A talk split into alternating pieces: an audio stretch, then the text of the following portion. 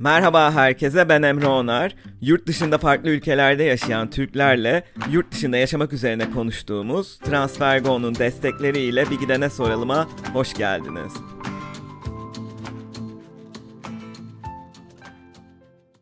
Transfergo uygun kur ve düşük gönderim ücretiyle çok hızlı hatta aynı gün içinde uluslararası para transferi yapabileceğiniz bir mobil uygulama. Üstelik artık Türkiye'deki sevdiklerinizin cep telefonuna da gönderim yapabiliyorsunuz.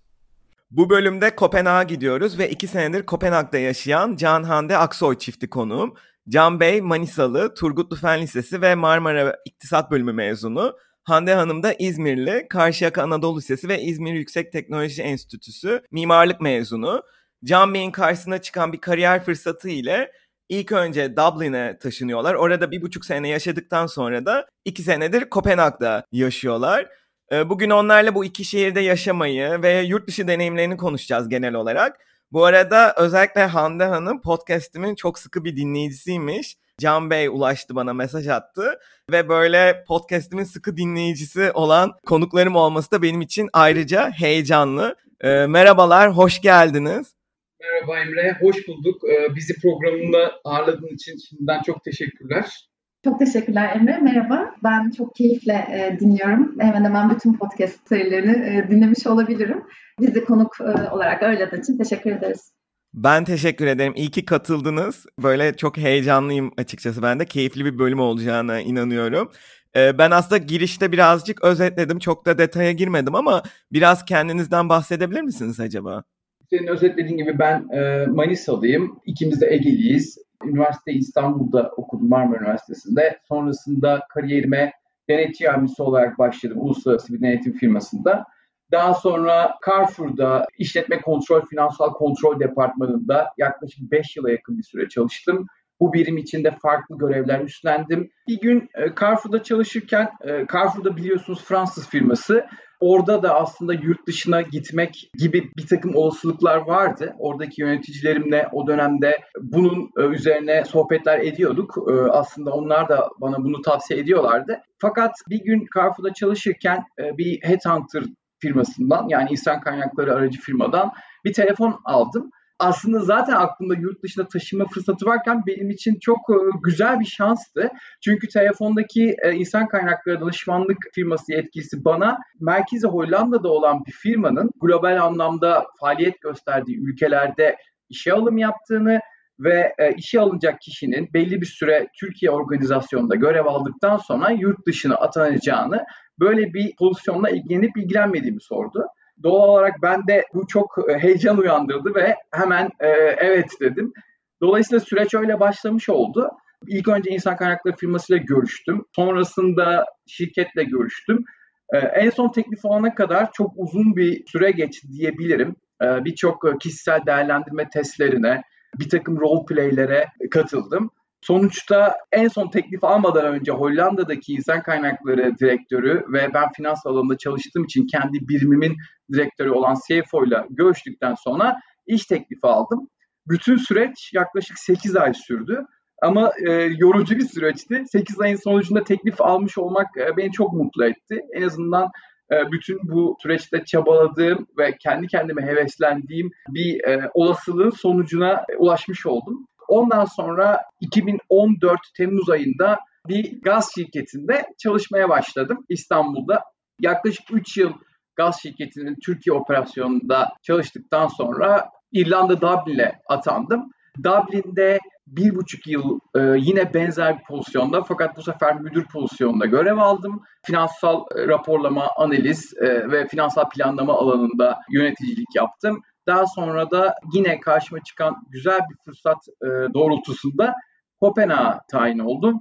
Kopenhag'daki organizasyon ilk ben tayin olduğumda e, İskandinavya organizasyonuydu. Daha sonra Norveç e, ayağı satıldı. E, şu anda İsveç ve Danimarka olmak üzere yine şirketin adı İskandinavya organizasyonu olarak geçiyor. Bu organizasyonda finansal planlama, e, yine aynı benzer alanda finansal planlama, finansal analiz, finansal raporlama alanında e, müdür pozisyonda çalışıyorum. Genel olarak özeti böyle. E, Hande Hanım siz? Evet, bahsettiğim gibi e, Karşıyaka Anadolu Lisesi'nin ardından İzmir Yüksek Teknoloji e, Mimar Fakültesinden mezun oldum. Yaklaşık bir sene İzmir'de çalıştıktan sonra İstanbul'a taşındım. E, ağırlıklı olarak konut ve e, otel projelerinin yanı sıra e, aralarında akvaryum, e, basketbol arenası gibi farklı fonksiyonların da olduğu projelerin hem tasarım hem de yapım aşamalarında yer aldım. Ardından e, nispeten daha butik, e, ağırlıklı olarak iç mimari ve hatta e, reklam ajansı olarak çalışan daha küçük bir tasarım ekibine dahil oldum. Burada çalıştığım süre boyunca freelance kendi işlerimi de yapma fırsatım e, oldu. Bir önceki firmamdan aldığım teklifle yine büyük bir konut projesinde çalışırken e, aradan kısa bir süre geçtikten sonra Can'ın aldığı teklif ile yurt dışına taşınmış olduk. İrlanda'yı hiç değerlendirmiş miydiniz? İrlanda'ya taşınmak nasıl bir deneyimdi? Ya bu aslında bence çok iyi bir soru sordun. Çünkü bana çok soruldu. Ee, bu programda ben işe alınırken tayin olacağım şirket, şirketin faaliyet gösterdiği herhangi bir ülke olabilirdi. Hiçbir kısıtlama yoktu. Dolayısıyla İrlanda kesinlikle aklımda yoktu. Çünkü İrlanda'daki organizasyon daha küçük bir organizasyondu. Tamamen sürpriz oldu ama e, açıkçası çok güzel bir sürpriz oldu. Çünkü İrlanda'da ilk andan itibaren insanı çok çekiyor ve cezbediyor. Dolayısıyla çok e, detaylı bilgimiz olmamasına rağmen çok mutlu olduk. Yani o zaman için hani olabilecek en güzel ülkelerden biri oldu gibi bunu yorumladık. E, bir de ana dilinin İngilizce olması avantajdı. Yani Fransa, İspanya veya İtalya gibi ya da işte Brezilya gibi, Çin gibi ülkelerde e, o dili de öğrenmek gerekiyor bir noktadan sonra. İlk yurt dışı tecrübemizin ana dili İngilizce olan bir ülkede olması avantajdı. Tabii bir takım küçük dezavantajları da vardı. Çünkü Türkiye'den direkt ana dili İngilizce olan bir ülkede e, bir iş hayatına balıklama daldığımızda hemen adapte olmak kolay olmuyor. Bu da e, işin daha zor tarafıydı. Ama genel olarak e, iyiydi yani. Aslında İngilizce konuşulan bir ülke olması tabii doğru söylediniz. Adaptasyon sürecini kolaylaştıran bir şey. Tabii dediğiniz gibi mesela Fransızca bilmeden Fransa'ya taşınmak ya da e, ne bileyim İspanyolca bilmeden İspanya'ya taşınmak belki hani o süreci daha uzatıyor olabilir ya da belki yerel dili öğrenmek gerekiyor olabilir. Kopenhag için nasıl peki? Şimdi Sonuçta ana dili İngilizce olmayan bir yerdesiniz ama İngilizce konuşma oranı da çok yüksek kuzey ülkelerinde. Evet. O yüzden bir merak ettim orada nasıl oluyor? Doğru tespit. Danimarka'nın genelinde İngilizce konuşma oranı çok yüksek. E, hatta geçenlerde bununla ilgili bir listeyle karşılaştım. Ana dili İngilizce olmayan ama en iyi İngilizce konuşulan ülkeler sıralamasında birinci Hollanda'ydı, ikinci de e, Danimarka'ydı. Benim çalıştığım firma zaten Hollanda firması olduğu için aslında şirketine Hollandalı expat da çok fazla. Dolayısıyla Hollanda kültürüne ve en azından iş hayatı açısından Hollanda kültürüne de aşinayım. E, Danimarka'da da öyle. E, iki ülkede de İngilizce seviyesi çok ileri seviyede olduğu için ve herkes kendini İngilizce çok rahatlıkla ifade edebildiği için o konuda hiç sıkıntı yaşamadık. Sadece ilk başlarda bir takım tabelaları okumamız gerektiğinde ufak tefek sıkıntılar oldu diyelim ama Google Translate artık teknolojisi çok ileri olduğu için kamerayla anında çeviriyle e, bu problemimiz de çözülmüş oldu. Şöyle bir konu var. Bu bir anlamda da dezavantaj. Çünkü e, sizi bir açıdan tembelliğe sürükleyip hiçbir zaman o ülkenin dilini öğrenememeye de e, yol açabiliyor.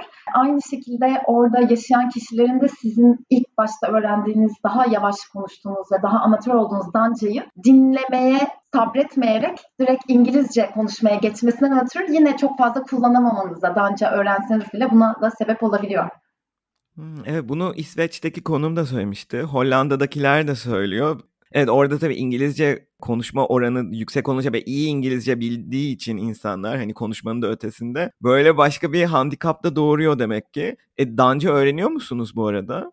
Çalıştığım firma bana e, Danca e, ders alma olanağı sağladı.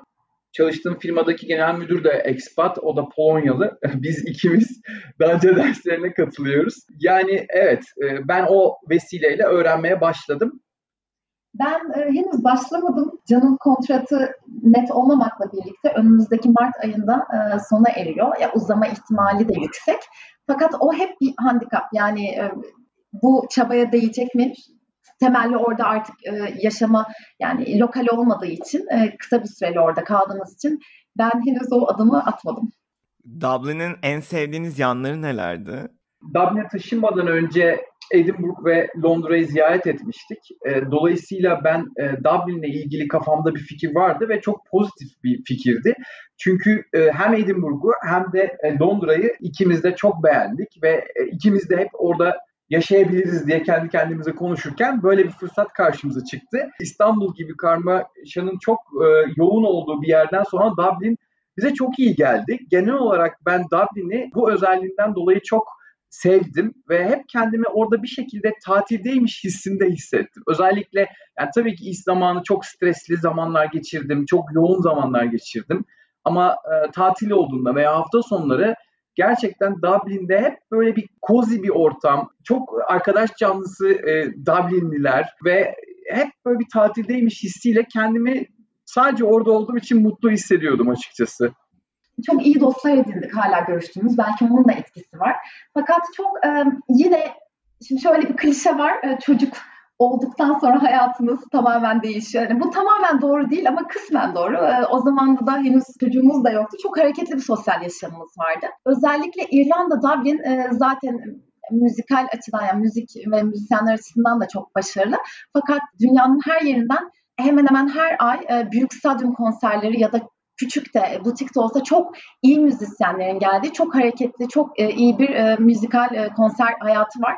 Dolayısıyla o, o açıdan e, çok sevdiğimiz e, grupların e, çok sık konserlerine gitmek, çok küçük bir şehir olduğu için, mesafeler çok yakın olduğu için İstanbul'da olsak belki gecede bir yapabileceğimiz aktivite yerine birkaç aktiviteyi arka arkaya yapabilmek, konsere gitmek, oradan iyi bir restorana, şehrin diğer ucundaki sevdiğimiz bir pub'a uğrayabilmek, hatta gecenin de hani daha sonra böyle güzel e, kulüplerde devam etmesi çok hareketli bir sosyal yaşamımız vardı. Bu iyiydi açıkçası. Kesinlikle. Yani ben de aynı şeyleri söyleyecektim. Dublin çok kompakt bir şehir. Ee, yani yaklaşık bir milyondan biraz daha fazla nüfusu var ve e, yüz ölçümü olarak da çok geniş değil.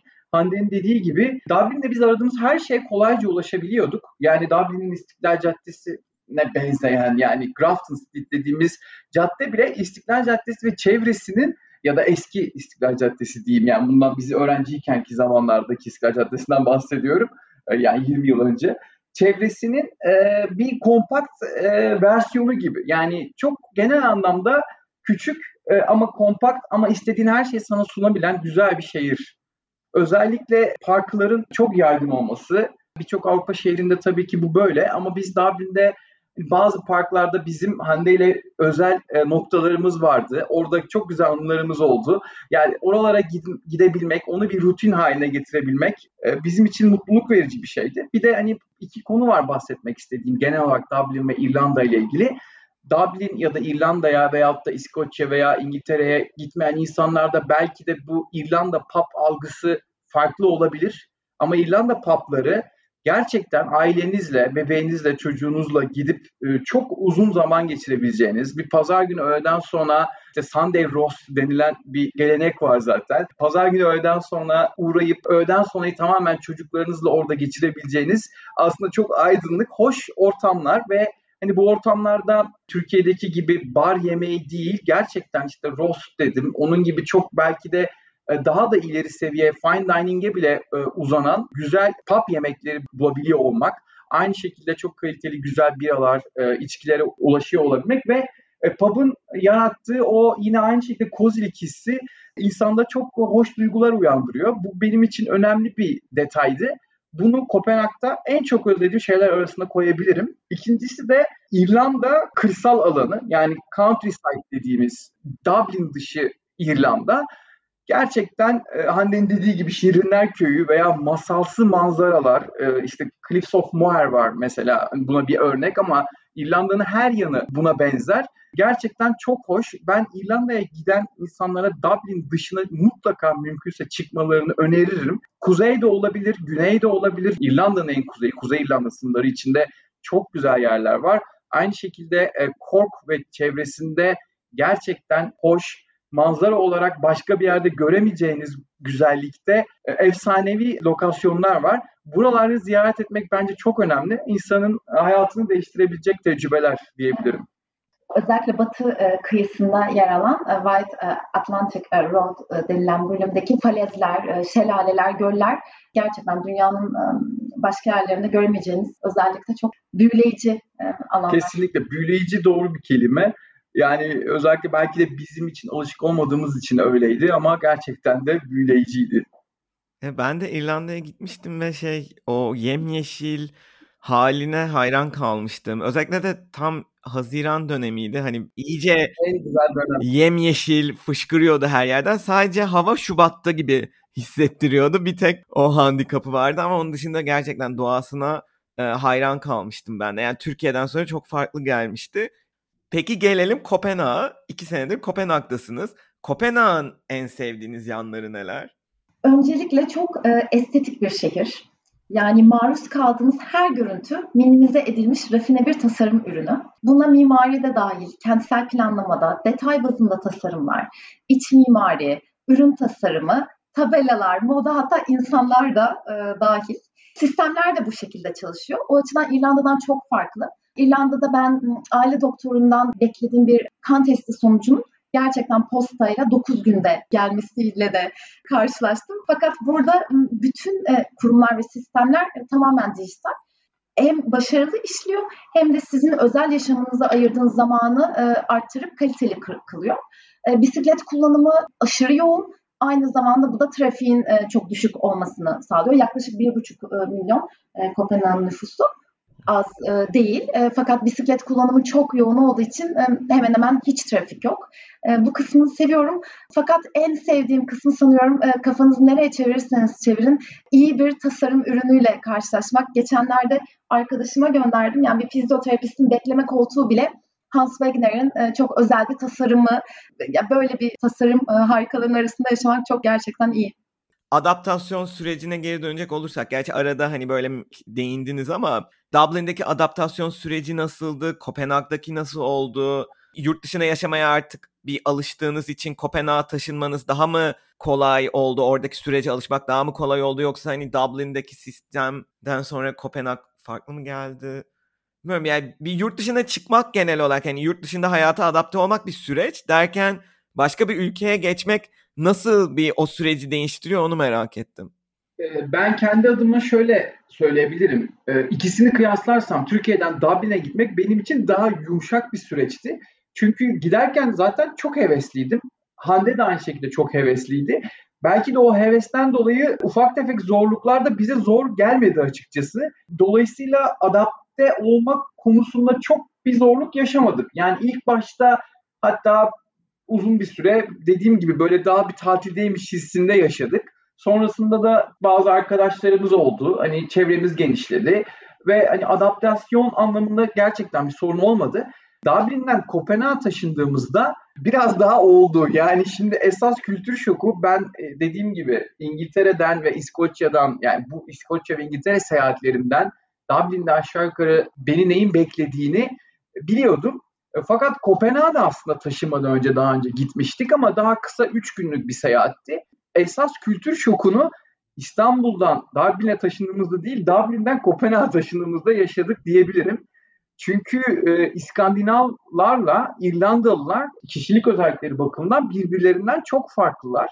E, biz de ilk yurt dışı tecrübemizde e, belki de Dublinliler ya da genel olarak İrlandalılar sıcakkanlılıklarıyla, hoş sohbet olmalarıyla Türk insanına daha çok benziyor olabilir ve bu anlamda biz daha yumuşak bir geçiş yaşadık. Yani mesela Türkiye'de de işte herkes sokakta güzel işte çocuğunu gezdirirken şunu ay sen ne tatlısın diyebilir. Bunu aynı şekilde İrlandalı da der ama Kopenhag'da asla böyle bir şeyle karşılaşmazsınız. Bunun gibi yani bu bir örnekti ama insanlar e, gerçekten çok sıcakkanlı iki ülkede de ama Kopenhag'da ve Danimarka'da böyle değil. Small talk dediğimiz işte kısa sohbet kesinlikle yaygın değil. İrlandalıların hani biliyorsun İngiltere'de de benzer haydan sonra mutlaka how are you gelir. Yani merhaba nasılsın mutlaka.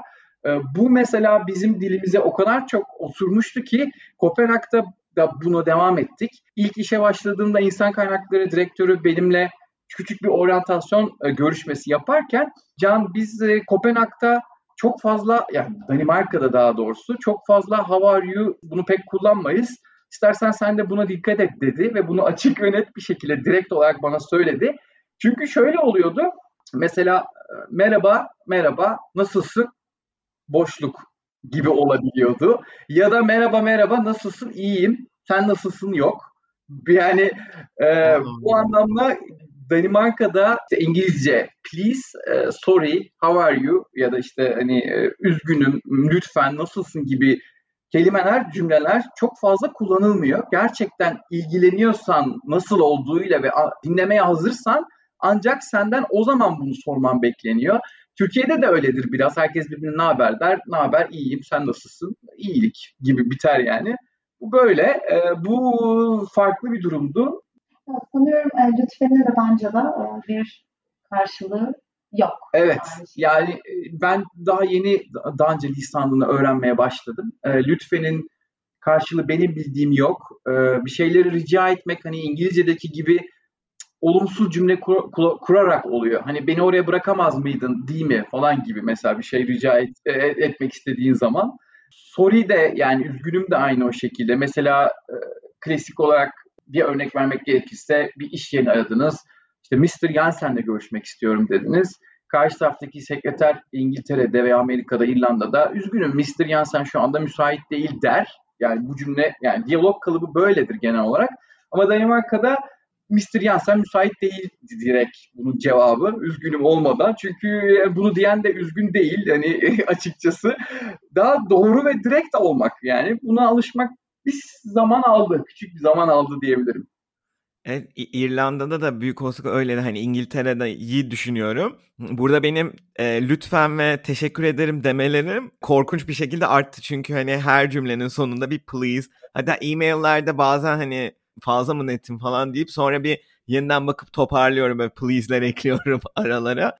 Sizin de hani o sisteme alıştıktan sonra bir anda öteki ucuna neredeyse gitmeniz yani bir adaptasyon gerektirmiştir gerçekten. İnsan bir ne oluyoruz der yani. Hele öyle bir uyarı almanız böyle bir sormayın nasılsın diye. Onu ben kendi kişisel olarak yani kendi e, özelimde bir uyarı olarak algılamadım. Hani sen çok diyorsun şikayet var gibi değil de bu gelen her yabancı standart söylenen bir şeydi. Hmm. E, dolayısıyla gerçekten doğru e, tasvir ettin. Yani iki uç diyebiliriz. Danimarka'da hayatın başka böyle şaşırtan yanları oldu mu?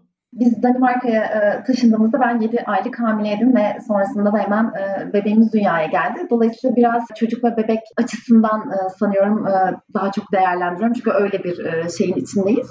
İrlanda'da da eminim Türkiye'ye göre belki biraz daha bu e, konular kolay olabilir. Fakat e, Danimarka'nın en iyi yanı aynı zamanda şaşırtıcı noktası çocuk ve bebekle hayatın çok kolay olması. İlginç e, konulardan biri Baby Bio diye bir sistem var mesela. Şöyle e, ha, her hafta bir seans sinemada tamamen bebekli ailelere ayrılıyor. Fuaye alanı sanıyorum benim e, katıldığım sinemada yüzden çok daha fazla 150 civarında bebek arabası e, vardı. Bebek arabalarıyla dolduruluyor. E, siz iki adet bilet alıyorsunuz. Bebeğinizi bebek arabasının içerisinde uyurken bırakıyorsunuz. Fuaye alanında etiketi e, biletinizi de üzerine koyarak siz sinemaya giriyorsunuz. Yani ışıklar biraz daha açık, filmin sesi biraz daha kısılmış. Yani o ortama uygun hale getirilmiş. E, görevli ise bebeğiniz uyandığında, ağladığında sizin sıra numaranızı, koltuk numaranızı bulup sizin yanınıza gelip bebeğiniz uyandığı şekilde haber veriyor. Dilerseniz gidip tekrar bebeğinizle birlikte onu da alıp sinemaya dahil oluyorsunuz. Yani bu bebekli ve çocuk hayatının ne kadar kolay olduğunu bence bir özeti. E, bu açıdan hiçbir şeyden geri kalmıyorsunuz. Ben buna gittiğimde sanıyorum Adel yaklaşık 5 aylıktı. E, dolayısıyla tek başınıza 5 aylık bir bebeğiniz varken siz sinemaya gitmeye devam edebiliyorsunuz. Bu ilginç. Başka bir ilginç yan e, soğukla ilişkilerinin gerçekten özellikle Egeli, İzmirli e, olan bizlere göre çok farklı olması. E, kışın e, denize girmek deniz suyu sıcaklığı 0-1 derecedeyken çok normal. Hatta e, çocuklar için bile, Danimarkalılar için. Aynı şekilde bebeklerin de hava eksi 15'e kadar düşse dahi öğlen uykularının hepsinin dışarıda uyumaları çok normal ve doğal kabul ediliyor. Yine Dublin'de yaşarken benim çok yakın Norveçli bir arkadaşımın e, evindeyken küçük bir bebeği vardı. Onu uyutacağını söyleyip biz içeride e, böyle sıcak çayımızı içerken havada yine eksi idi. Böyle hafif kar, sulu kar atıştırıyordu. Bebeği bebek arabasıyla dışarıya çıkardığını e, ben gördüğümde çok şaşırmıştım. Fakat kendimi e, bu e, sürece adapte olmuş bir şekilde e, buldum. Çok garip gelse de bunun gibi bebeğinizi soğuk havada dışarıda uyutmak gibi soğukla daha e, yakın ilişkiler kurabiliyorsunuz kreşte birlikte uyuyan çocukların e, herhangi bir hastalığını, virüsünü birbirine uyurken aynı kapalı ortamda bulaştırmaması adına aslında çok faydalı bir sistem. Uyuyan bebek ya da çocuk zaten yeteri kadar giyindiği için açık havada uyumak kesinlikle daha uzun uyuyorlar. Kesinlikle daha dirençli oluyorlar. Adel gerçekten yani çok şükür şu zamana kadar çok çok e, nadir hasta oldu ve hani e, belki hasta olduğunda bile bir günde iki günde çok çabuk toparladı. Ben bunun onda bir e, etkisi olduğunu düşünüyorum açıkçası. Yurt dışında çalışmanın sizce Türkiye'deki iş hayatına göre farkları neler? Bir kere Türkiye ve yurt dışı karşılaştırmasında mesai saatleri önemli bir etken. Fazla mesainin olmaması veyahut da olduğunda karşılanması gibi. Türkiye'de bu e, zaten fazla mesai e, sizden eğer iş varsa beklenen bir durum. Dolayısıyla benim bildiğim kadarıyla çok yaygın değil karşılanması ücret veya izin olarak eklenmesi açısından. Mesai saatleri daha kısa, e, fazla mesai daha az. Yani benim özelimde bu çok geçerli değil ama bunun farklı sebepleri var. E, bu bir nokta. Genel olarak insanların yurt dışında özellikle Danimarka'da çok daha verimli e, çalışmak için, çok daha verimli olmak için gerçekten ellerinden geleni yapması, gerçekten şirketin kapısından girdiğin andan itibaren çıkana kadarki zamanı en verimli bir şekilde değerlendirip bir an önce işi aksatmadan evine, ailesine dönüp o e, çocuklarıyla geçer, geçirecek olduğu değerli zamandan e, eksilmemesi için insanlar çaba gösteriyor. Daha yatay hiyerarşi bu zaten e, diğer konukların da bundan bahsetti. Türkiye'ye kıyasla e, yönetici üst ast e, ilişkileri kesinlikle daha yatay. En üst yönetici bile en alt seviyedeki çalışanın fikirlerine eşit düzeyde önem verip e, eşit bir şekilde dikkate alıp eşit e, miktarda dinler ve hiç kimsenin düşüncesinin üstü kapatılmaz, e, dikkate alınır. Yine Danimarka özelinde söyleyebilirim. İş hayatı çok direkt. İnsanlar dediğim gibi bu işte how are konusuyla yine bağlantılı. E-mailleşmelerde, e, toplantılarda bu tarz girişi hızlı bir şekilde geçerek e, direkt konuya girerler. Ya bu direkt olmanın aslında gerçekten verimlilik anlamından avantaj yarattığını düşünüyorum. Ama bazen de şaşırtıcı şeyler de olabiliyor. Mesela bizim çalıştığımız alanda benim masamın çaprazında oturan Danimarkalı bir iş arkadaşımın e, bir gün genel müdür bir kolda belki de hani konu e, heyecanlandığı için böyle yüksek sesle görüşüyordu ve bu bahsettiğim kişi masasından kalkıp genel müdürün kapısını kapattı. Hiçbir şey demeden veyahut da sesinizi kısabilir misiniz falan demeden sadece kapısını kapattı. Yani bu Türkiye'de biraz daha hani kaba bir davranış olarak karşılanır. Pek de yapılabileceğini sanmıyorum. Ee, yani bu e, gerçekten belki bir uç örnek. Herkes tabii ki böyle değil ama hani insanlar ne kadar direkt olduğuna, ne kadar hiyerarşinin yatay olduğuna dair bir gözlem. Evet bu gerçekten ekstrem bir örnekmiş. Ben de böyle bir şeyin Türkiye'de gerçekleştiğini düşünemiyorum. Ee, gelelim Danimarka'nın biraz daha böyle yerel kültürüne. Ee, mesela yemek kültürü açısından Kopenhag'ın güzel bir şehir olduğunu duymuştum. Biraz da sizden dinlemek isterim. Çocukluğumdan beri daha önce bahsettiğim gibi farklı yemeklere de çok ilgi duyan bir insanım. Hem farklı kültürlerin yemeklerini yapmak hem de yemekten çok hoşlanıyorum.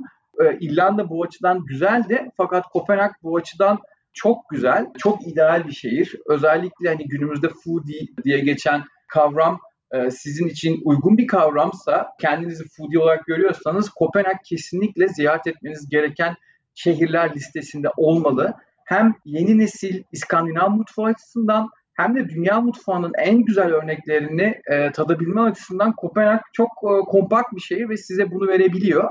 Aynı zamanda bir İrlanda değil ama Kopenhag'da ve Danimarka'da bira çok önemli bir unsur. Hani hatta bir yerde bir, bir yazı okumuştum. Texas için petrol neyse Danimarka için de bira odur diye. Biliyorsunuz Carlsberg, Tuborg e, zaten Heineken'le birlikte Avrupa'dan çıkan dünyanın önde gelen bira markalarından biri. Ama onun dışında Kopenhag'da, e, Danimarka'da bir sürü mikro brewery dediğimiz küçük bira evleri var. Ve buralarda yapılan biralar e, aslında bu IPA'lerin çıkışında bundan yaklaşık bir 10 sene öncesine geri dönersek öncü rol oynamış küçük bira evleri diyebilirim.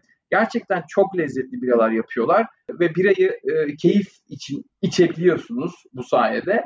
Böyle. Sevdiğin Danimarka yemekleri var mı peki? Var.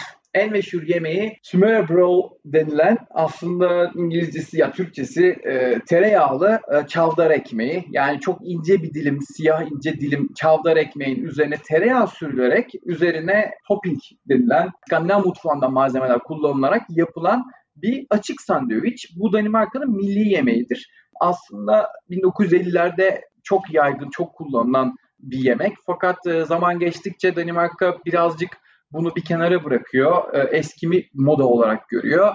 Fakat son 10 yılda tekrardan e, yükselişe geçiyor. Başarılı şeflerin ve restoranların bu yemeği yeni bir dokunuş katarak farklılaştırması gerçekten bu yemeği tekrar popüler yapıyor ve çok özel Smøre Brol yediğim zamanlar oldu ve e, insanlar İskandinav mutfağına biraz böyle uzaktan ön yargılı yaklaşıyorlar. Fakat hani şunu da hatırlatayım. Dünyanın e, uzun süre en iyi restoranı seçilen, en iyi restoran seçilen Noma Kopenhag'da şu anda sanırım ikinci sırada ama çok uzun süre dünyanın en iyi restoranının Kopenhag'da bulunması ve ana menüsünün yeni İskandinav mutfağı olması aslında İskandinav mutfağının göz ardı edilmemesi gerektiğinin bir göstergesi.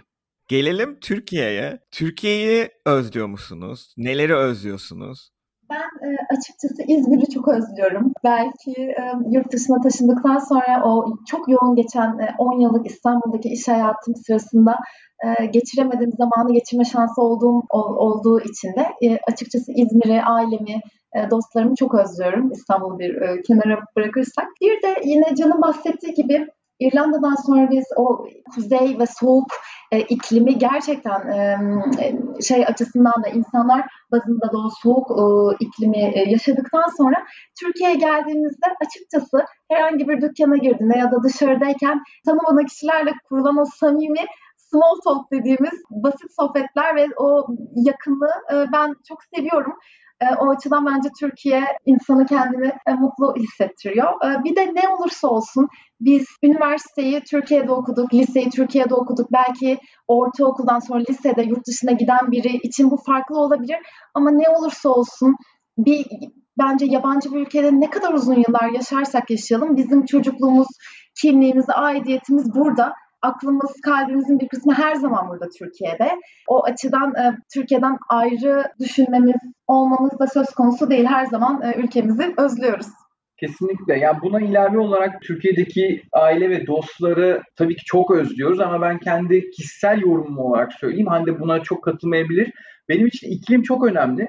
Gerçekten Türkiye'deki insanların e, ne kadar muhteşem bir iklimde yaşadıklarının kıymetini bilmeleri gerekiyor. Bu bahsettiğimiz hem Danimarka hem de İrlanda'da e, bu konu hiç e, konuşulmadı şu ana kadar ama iklimin bir handikapı var. Gerçekten bizim gibi insanlar için özellikle Egeliler için o iklime e, alışmak, ayak uydurmak gerçekten bir mesele olabilir. Taşımayı düşünen insanlar bunu bilmiyor. Benim için önemli, Hande için değil ama bunu da göz önünde bulundurmaları bence iyi olur. Türkiye'de gerçekten özellikle şu sezonda güzel bahar havası e, bizim orada ancak Temmuz ortasında ulaşabildiğimiz ve çok hızlı geçen bir güzellik diyeyim. Bu da önemli. Bunun yanı sıra tabii Türkiye'deki hoş e, yemekler, hoş sohbetler, e, güzel rakı sofraları, e, güzel meyhane ortamları yani pandemi öncesi yapabildiğimiz hoş bir müziğin olduğu arka planda bir meyhaneye oturup arkadaşlarımızla, dostlarımızla hasret giderme çok özlediğimiz konulardan birisi. Belki ben e, şuna eklemek isterim. O yemeklerle büyüdüğümüz için ben e, Ege otlarını, gevrek, boyoz, e, tulum peynir ve yaz domatesini nereye, hangi ülkeye gidersem gideyim aşırı özlüyorum. E, ama yani bunların çok özel olmasından mı yoksa dediğim gibi ben böyle büyüdüğüm için mi onu ayırt etmek zor.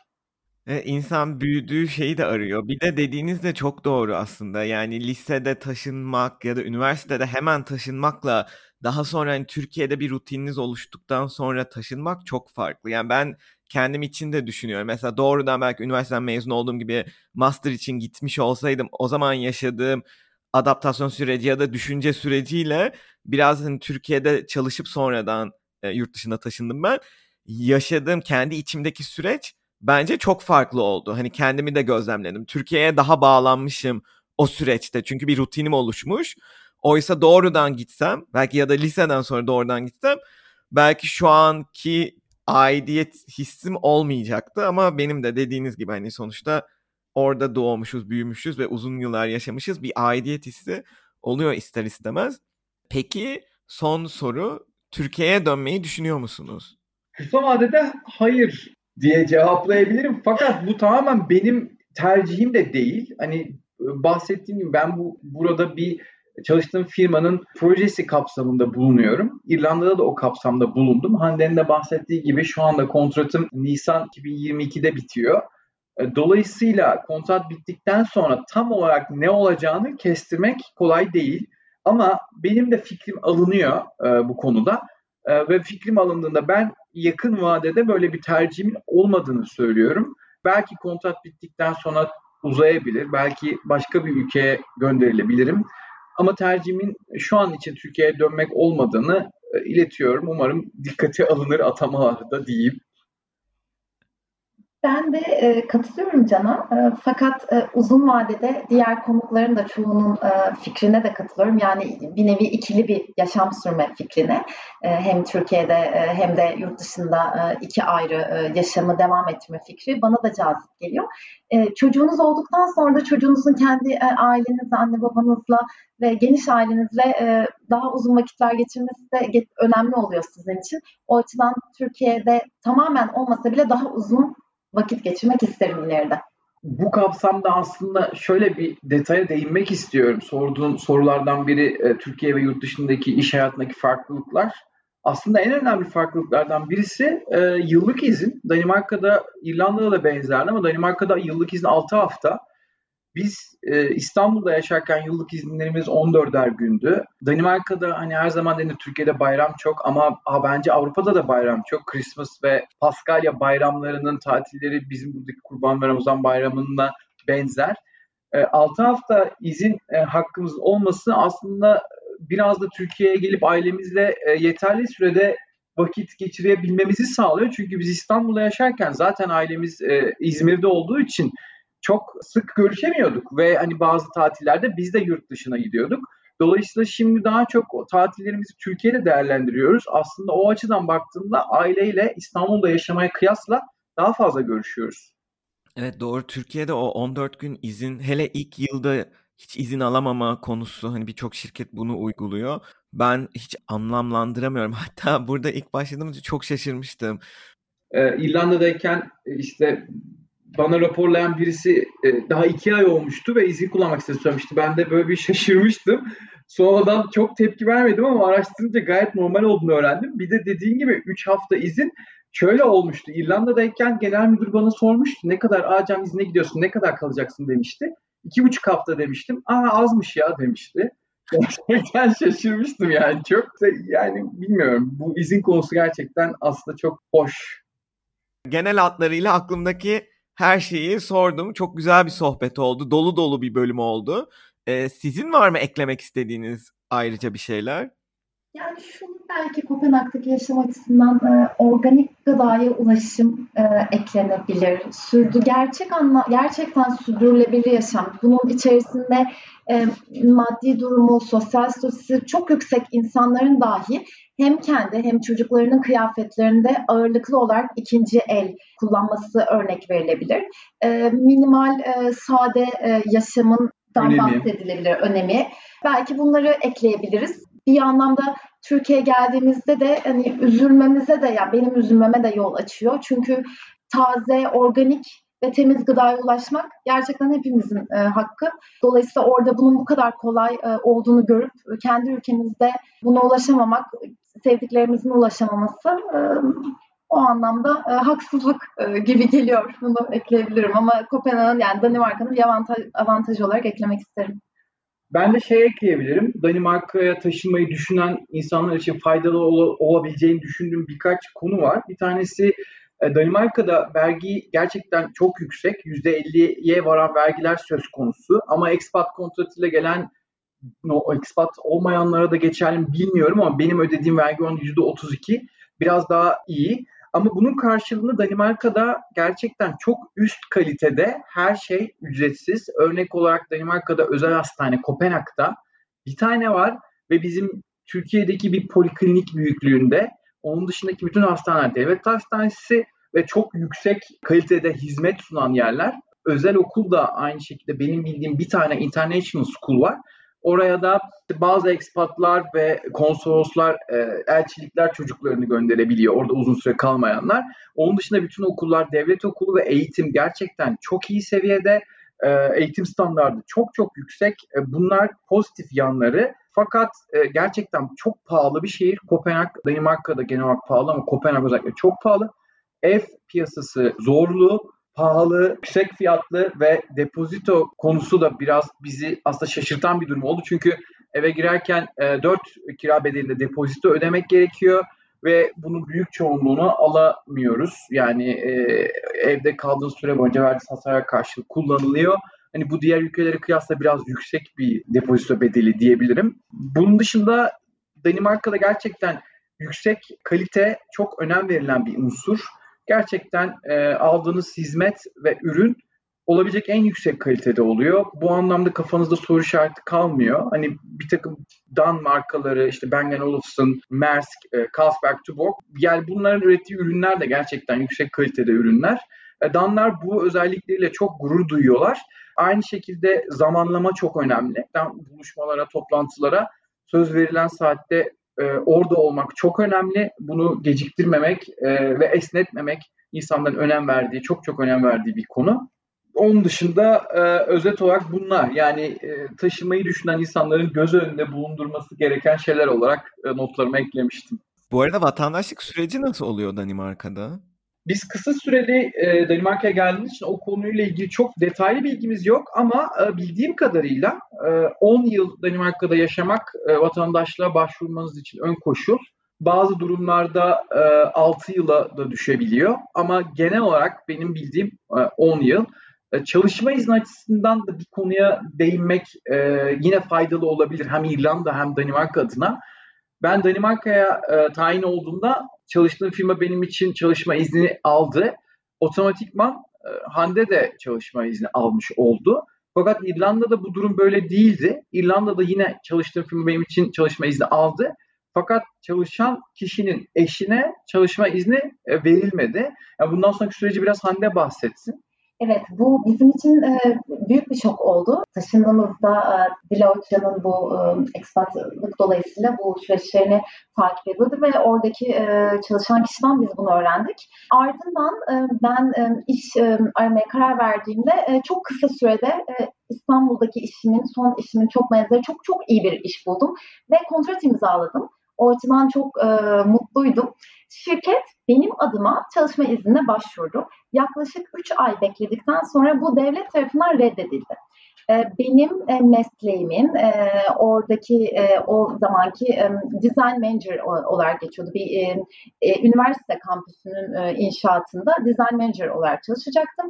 Critical Skills listesinde yer almadığım için IT sektörü o anlamda çok kolay. Yani IT açısından taşınmayı düşünenler için böyle bir sorun yok. Ama benim meslek grubum critical skills'a yer almadığı için ve sanıyorum yıllık bütçe çok az cüzi olarak sanıyorum yaklaşık 2000 euro kadar bir e, çok üst limitin e, altında kaldığı için devlet tarafından reddedildi. Şirket ardından yeniden temize başvurdu. Bir sanıyorum bir bir buçuk ay daha bekledik. E, ben bu arada hamile kalmıştım ve yaklaşık 5 ay bir süre kalmıştı. Bunu belirtmeme rağmen şirket hiç sorun yapmadı. 5 ay Hande bizim için yeterli. Biz hani seni istiyoruz dediler. Tekrar başvurdu. Tekrar reddedildi. Dolayısıyla bu çok çok e, üzücüydü. Fakat e, şöyle bir değişiklik oldu. Farklı vize e, türleri var. Can'ın vizesi Stamp 1 olarak geçiyor. Stamp 1 şirket arası transfer. Stamp 4 ise genelde bu e, Google, Facebook gibi IT şirketlerinde çalışanların aldığı şey. Ardından e, benim e, bizim taşınmamızın ardından Stamp 4'ün eşlerine bu kural bildiğim kadarıyla kaldırıldı. Ama hala şirket içi transfer Stamp 1'in eşleri için bu durum geçerli. Dolayısıyla orada eşler iş aradığında Türkiye'de yaşayan birinden hiçbir farkları yok. Sanki biri Türkiye'de yaşıyor ve dolayısıyla e, devlet de öncelikle İrlanda vatandaşı ardından Avrupa Birliği vatandaşı olan birini şirkete alınması destekliyor. Bunları bunlara karşı çok geçerli e, sunacağınız sebepler olmalı. Fakat Danimarka'da böyle bir e, problem yok. Avrupa'da hiçbir ülkede İrlanda dışında böyle bir problem yok. Allah Allah o çok ilginçmiş. Genelde çünkü eşlerden birinin vizesi olduğunda ötekine de çalışma vizesi veriliyor diye biliyorum. Talihsiz olmuş valla başınızdan geçen. Ee, bunu da iyi ki paylaştınız. Hani dinleyenler için de belki faydalı olur hani böyle bir şeyi bilmeleri. Ee, vize konusunda unutmuştum. Çalışma izni iyi ki girdik bu konulara da. Her şeyi konuştuk gibi. Çok teşekkür ederim. Öncelikle podcast'imi böyle sıkı sıkı dinlediğiniz ve beğendiğiniz için teşekkürler. Ee, sonrasında iyi ki ulaştınız. Bu keyifli bölümü yaptık. Ee, benim için çok güzel oldu. Ee, zaman ayırdığınız için çok teşekkür ederim. Katıldığınız için çok teşekkürler. Biz teşekkür ederiz Emre. Bizi konuk aldığın için. Bizim için bir onurdu. Çok teşekkürler. Ee, bence harika bir şey yapıyorsun. Ee, başarılar diliyoruz. Hevesle e, devamında dinlemek istiyoruz diğer podcastlerinin. Çok teşekkürler. Görüşmek üzere. Görüşmek üzere. Görüşürüz.